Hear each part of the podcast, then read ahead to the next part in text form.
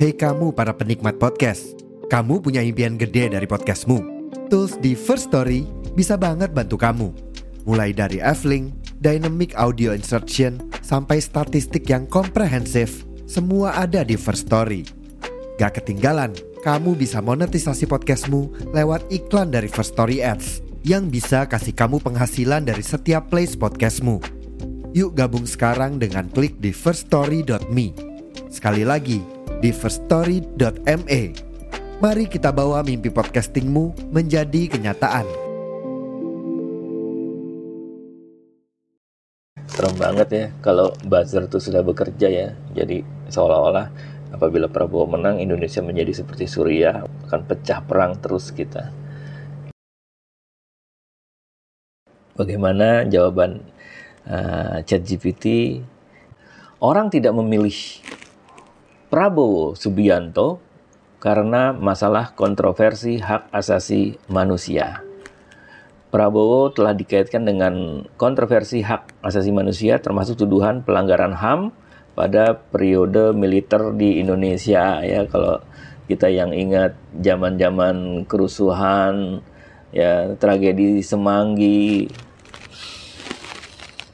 ya itu uh, teman-teman aktivis beberapa mungkin masih ingat ya kejadian tersebut dan beberapa mungkin uh, jadi lupa ya karena kesibukannya ngurus negara. Oke, itu yang pertama. Yang kedua, kurangnya rekam jejak politik. Prabowo tidak memiliki rekam jejak politik yang cukup kuat atau pengalaman dalam jabatan publik yang signifikan. Ya, dia sebagai menterinya Jokowi ya memang nggak kelihatan sih ya perannya. Cuma nggak bisa dibilang itu kurangnya rekam jejak politik ya. Rekam jejak politik dia sebagai calon presiden itu ini adalah yang ketiga kalinya nanti. Dan itu rekam jejak yang cukup bagus sih.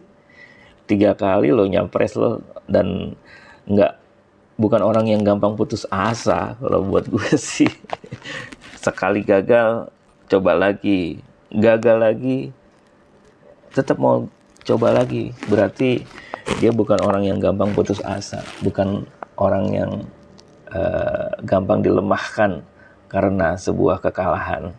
Itu.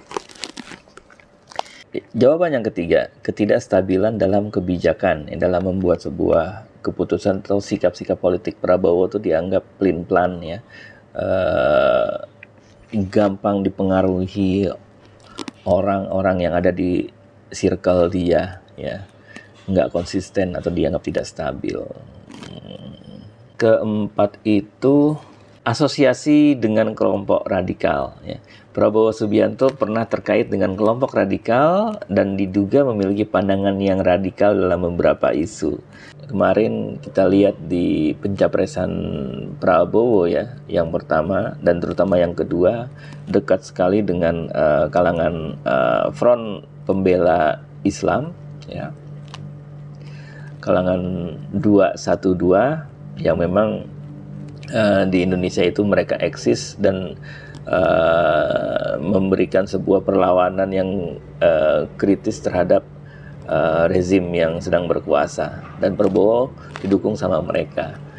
Uh, itu fakta yang nggak bisa dinafikan ya jadi itu ada seperti itu dan walaupun pada akhirnya kalangan-kalangan radikal tersebut merasa dihianati sama Prabowo ketika toh pada akhirnya Prabowo bergabung menjadi menterinya Jokowi bukan cuma Prabowo padahal ya Sandiaga Uno juga kayak gitu dan beberapa uh, pendukung Prabowo pun akhirnya juga banyak yang mendekat kepada Jokowi. Kelima, kontroversi finansial. Prabowo Subianto pernah dihadapkan pada beberapa kontroversi finansial, termasuk tuduhan korupsi dan pencucian uang. Nah ini uh, eh, gue belum tahu ya, tapi bisa jadi uh, kita perlu cari informasi lagi tentang ini ya. Uh, eh, AI itu jangan dijadikan patokan, hanya dijadikan sebuah referensi aja uh, pandangan saja dan selanjutnya kita sendiri yang cari informasi ya. Kalau lo anak-anak muda yang dianggapnya lebih pinter gitu ya cari, jangan dengar-dengar kata orang, apalagi hoak. 6. Kontroversi tentang kebangsaan. Prabowo pernah dituduh oleh sebagian kalangan memiliki pandangan kebangsaan yang radikal dan terlalu nasionalis. Terlalu nasionalis kayak mana ya? Ya ini hampir sama sih dengan uh, asosiasi kelompok radikal tadi ya. Jadi dianggapnya Prabowo itu uh, bisa mewakili uh, kalangan radikal dan apabila Indonesia, uh, ini ingat nih gue uh, jawaban mereka yang membenci Prabowo maupun Anies. Apabila Prabowo berkuasa ini dulu waktu masih uh, pemilu nih, Indonesia akan disuriahkan. Wow. Serem banget ya kalau buzzer itu sudah bekerja ya. Jadi seolah-olah apabila Prabowo menang Indonesia menjadi seperti Suriah, umat Islam akan tertindas akan pecah perang terus kita. Ini narasi-narasi politik yang kayak gini nih yang mudah-mudahan di 2024 uh, eh, udah pada sadar ya. Walaupun kelihatannya sampai hari ini sih masih banyak yang uh, goblok ya membuat uh, isu-isu kayak gitu. Baik ke semua kubu ya. Oke. Ke selanjutnya kurangnya dukungan partai politik. Prabowo mungkin tidak memiliki dukungan yang cukup dari parpol dan kelompok politik lainnya untuk memenangkan presiden. Kalau kita lihat perkembangan koalisi sekarang itu uh, Gerindra uh, masih uh, bersama PKB dan ada kemungkinan juga Gerindra itu sekarang sedang menimbang-nimbang partai mana yang membuat koalisinya akan makin kuat. Dari beberapa partai kayaknya sih kalau mau yang berpengalaman dan cukup kuat yang logis Prabowo mestinya ke Golkar ya. Kalau mau menandingi PDIP mau menandingi Ganjar ya. Ya karena kan Golkar cukup berpengalaman. Lo paham lah Golkar ya. Siapa bilang pohon beringin itu tumbang? Enggak enggak pernah tumbang pohon beringin itu pohon yang kuat gitu walaupun kelihatannya tumbang akarnya di mana-mana tuh hampir di semua partai politik ada akarnya Oke, okay, uh, selanjutnya Prabowo dianggap terlalu otoriter, ya. Jadi memiliki gaya kepemimpinan yang otoriter dan berkuasa penuh yang dapat memicu kerusuhan atau konflik politik. Ya ini juga isu yang melekat sih dengan Prabowo ya. Jadi dia dia dianggap sangat otoriter. Gue pernah dapat omongan atau cerita dari orang-orang yang pernah dekat bekerja dengannya ya sikap-sikapnya memang ya otoriter ya tapi tidak tidak bisa dijelaskan secara uh, faktual ya uh, itu hanya anggapan orang-orang yang bekerja kan bisa yang namanya orang menganggap bosnya kayak mana itu kan ya berdasarkan pengalaman mereka saja lanjut tidak memadai dalam isu sosial Prabowo mungkin kurang memadai dalam isu sosial seperti kemiskinan, pendidikan, dan kesehatan.